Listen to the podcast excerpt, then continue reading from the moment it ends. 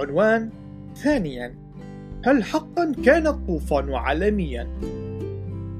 يقول الكثير من الأشخاص أن طوفان نوح إن كان حدثا حقيقيا فإنه كان طوفانا محليا لكن لماذا؟ لأنهم يعتقدون أن عالمنا يبلغ من العمر عدة ملايين من السنوات وفق هذه الرؤية ستمثل المستحاثات المتموضعة في الطبقات الصخرية ظهور أشكال جديدة من الحياة على مدى العصور الزمنية المتعاقبة. إلا أن العلماء لم ينظروا إلى المستحاثات وفق هذه الطريقة طوال الوقت. قام رواد علم الجيولوجيا من أمثال نيكولاس ستينو. بربط بين المستحاثات المدفونة في الترسبات الطينية الناجمة عن المياه وبين طوفان نوح. إن الأفكار مترابطة، كما هو حال العائلات. إن فكرة التطور تعني أن السجل الأحفوري قد تراكم بشكل تدريجي خلال عدة ملايين من السنوات وذلك سيعني عدم وجود أي دليل جيولوجي على طوفان نوح. وبالتالي فإن المسيحيين الذين يؤمنون بالتطور أو ملايين السنوات الجيولوجية مضطرين إلى التمسك بالطوفان المحلي. إن التطور أو فكرة السنوات المليونية بذاتها تعني كذلك أن المستحاثات التي تقدم تمثيلا للألم والموت وإراقة الدماء والأمراض والمعاناة قد تشكلت قبل أن يخطئ آدم وحواء. وبالتالي ماذا كان مقصد الله حين وصف خليقته المكتملة بأنها حسنة جدا؟ إن التطور يعني أن الموت والمعاناة ليست نتائجا للخطيئة. هذا الأمر سوف يتسبب بتدمير معنى موت وقيامة المسيح.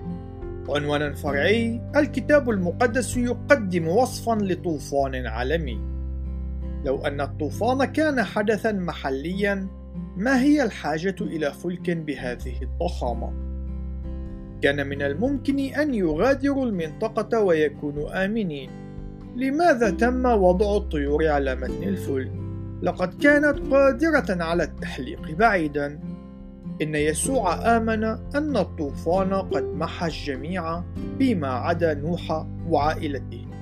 هذا ما يرد في إنجيل متى في الإصحاح الرابع والعشرين في الآيات من السابعة والثلاثين وحتى التاسعة والثلاثين.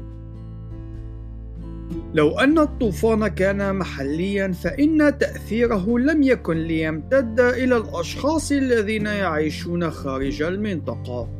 بل كانوا سينجون من دينونة الله للخطيئة. كما أن المسيح كان قد قارن بين دينونة العالم وبين دينونة جميع الناس في أيام نوح، وقد فعل بطرس الأمر عينه في رسالته الثانية في الإصحاح الثالث. إن حدوث طوفان محلي في أيام نوح سوف يعني أن الدينونة العتيدة سوف لن تطال الجميع، كيف للمياه أن ترتفع فوق رؤوس الجبال كما يرد في سفر التكوين في الإصحاح السابع في الآية العشرين. فيما لو كان الطوفان محليا إن المياه تجد لها طريقا بشكل دائم. إن الله قد وضع قوس قزح في السماء كعلامة على أنه لن يدمر الأرض بالمياه مرة ثانية. إلا أن العديد من الطوفانات المحلية الكارثية قد وقعت على سبيل المثال طوفان بحيرة ميزولا أو طوفان نيو أورليانز الأحدث عهدا. ولكن لم يحدث منذ ذلك الحين أي طوفان عالمي تسبب بالقضاء على جميع المخلوقات التي تعيش على اليابسة. لو أن الطوفان كان محليا فإن هذا سيعني أن الله قد نكث بعهده المثبت مرارا وتكرارا إن الطوفان التوراتي قد غمر العالم بأسره عنوان فرعي من أين أتت كل تلك المياه؟ نقرأ في سفر التكوين في الإصحاح السابع في الآيتين الحادية عشر والثانية عشر اقتباس في السنة الستمائة من عمر نوح في الشهر الثاني في اليوم السابع عشر منه تفجرت ينابيع الغمر العظيم وتفتحت نوافذ السماء وكان المطر على الأرض أربعين نهارا وأربعين ليلة. نهاية الاقتباس. إن الكتاب المقدس يصف لنا مصدرين للمياه. الأمطار من السماء والمياه المتدفقة من تفجر ينابيع الغمر العظيم. قد تكون ينابيع الغمر العظيم هذه التي تم ذكرها أولا أهم مصدر لمياه الطوفان. ربما تشير إلى مصادر المياه الجوفية الضخمة. يشير التفجر إلى نشاط بركاني وزلزالي واسع النطاق. اكتشف الجيولوجيون أن الصخور الموجودة في الوشاح الداخلي للأرض لا تزال تحتوي على مياه وفيرة تكفي لملء المحيطات عشرين مرة. يعتقد هؤلاء أنه قد حدث في الماضي خروج لبعض المياه الموجودة في الوشاح إلى سطح الأرض. كما أن الجبال وتوزيع كتل اليابسة كانت مختلفة قبل الطوفان. يعتقد بعض العلماء الخلقيين أن تفكك كتلة قارية واحدة كان جزءا من الآلية التي تسببت في حدوث الطوفان. عنوان فرعي: كيف تمكن الفلك من النجاة من الطوفان؟ أفادت خلاصة دراسة أجراها مهندسون بحريون أن الفلك الموصوف في الكتاب المقدس هو أحد أكثر الأشكال استقرارًا للتعامل مع الأمواج العاتية في محيط هائج. كان سيبقى بوضع معتدل في ظل أقسى الظروف، بخلاف السفن الشراعية التي تعود إلى القرون الوسطى، فإن الفلك لم يكن بحاجة للسفر إلى أي مكان. الحاجة هي أن يبقى طافيًا. ربما تكون الأطراف ذات الانحناءات البسيطة قد حسنت من تعامل الفلك مع الأمواج العاتية، مما يضعف من احتمال استدارة الفلك ليتخذ وضعًا جانبيًا موازيًا لخط الأمواج. لكن الكتاب المقدس ليس واضحًا، ويوجد احتمال أن الفلك كان مجرد صندوق بسيط. هذا الأمر الذي من شأنه أن يوفر أقصى قدر من التخزين ويكون قويا من الناحية الهيكلية. قال النقاد أنه من غير الممكن لسفينة خشبية بهذا الحجم أن تكون قوية بما فيه الكفاية، لكن هذا ليس صحيحا، إذ أنهم كانوا يفترضون بشكل خاطئ أن الفلك كان مجرد نموذج أضخم من إحدى السفن الشراعية التي تعود إلى القرن التاسع عشر حيث أن الخطر الأكبر ينجم من الصاري والأشرعة حيث أنها تزيد من ذراع العزم لقوة الرياح مما يتيح عزم دوران كبير قد يتسبب بانقلاب السفينة. كان لديهم نقاط ضعف خطيرة أخرى فيما يتعلق بالكوى أي النافذة كما أن الإطار الخشبي للهيكل ليس قويا بما فيه الكفاية لكن يوجد طرق بديلة معروفة مثل نظام القشرة الواحدة مونوكوك الذي يسمح بأن يتم تأمين القوة الرئيسية اللازمة من خلال الهيكل نفسه أو باستخدام المفاصل المدمجة أو الألواح الخشبية المتشابكة مثل الخشب المصنوع من طبقات أي خشب الأبلكاس أو المعاكس. وبالتالي سيكون من الممكن أن يتم بناء هيكل وفق الأبعاد التوراتية ويكون متماسكا وقادرا على التعامل مع الضغط. عنوان فرعي كيف استطاع نوح أن يعتني بكل تلك الحيوانات؟ نقرأ في سفر التكوين في الإصحاح السادس في الآية الحادية والعشرين اقتباس وخذ من كل طعام يؤكل واجمعه عندك ليكون لك ولهم غذاء. نهاية الاقتباس. لقد كان من الواجب على نوح أن يبقي على الحيوانات في جو دافئ ونظيف وأن يجمع ما يكفي من الغذاء والمياه لقضاء 370 يوما. وفقا لوودمورب فإن المساحة المطلوبة لتخزين غذاء يكفي لستة عشر ألفا من الحيوانات تشكل 15% من الحجم الإجمالي للفلك أما المياه فتحتاج إلى 10% منه. من الممكن أن يتم تخفيض الحجم المطلوب من خلال تخزين المواد الغذائية المجففة وجمع مياه الأمطار. تشير تقديرات وودمورب إلى أن ثمانية أشخاص سيكونون قادرين على رعاية 16 ألف حيوان دون أي أجهزة خاصة. إذ يمكن للأرضيات المفروشة بطبقة سميكة من نشارة الخشب أو الطحالب أن تصمد دون تغيير لعدة أشهر وتؤدي وظيفتها في امتصاص الرطوبة والرائحة قد تحتوي بعض الأقفاص على أرضيات مائلة أو منحدرة بحيث يسقط الروث عليها ويتم إبعاده.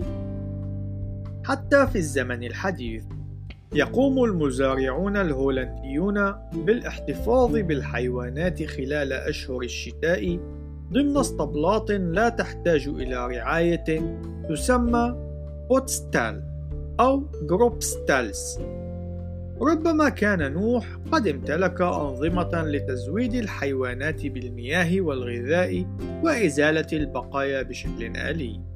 في يومنا راهن يمكن لمجموعة صغيرة من المزارعين أن تقوم بتربية آلاف الماشية والحيوانات الأخرى ضمن مساحة صغيرة. ربما سنكون متفاجئين من الأجهزة المميزة التي قد تكون متواجدة على متن الفلك لإطعام الحيوانات والعناية بها. كيف يمكن لنوح أن يقوم بتشغيل هذه الأجهزة؟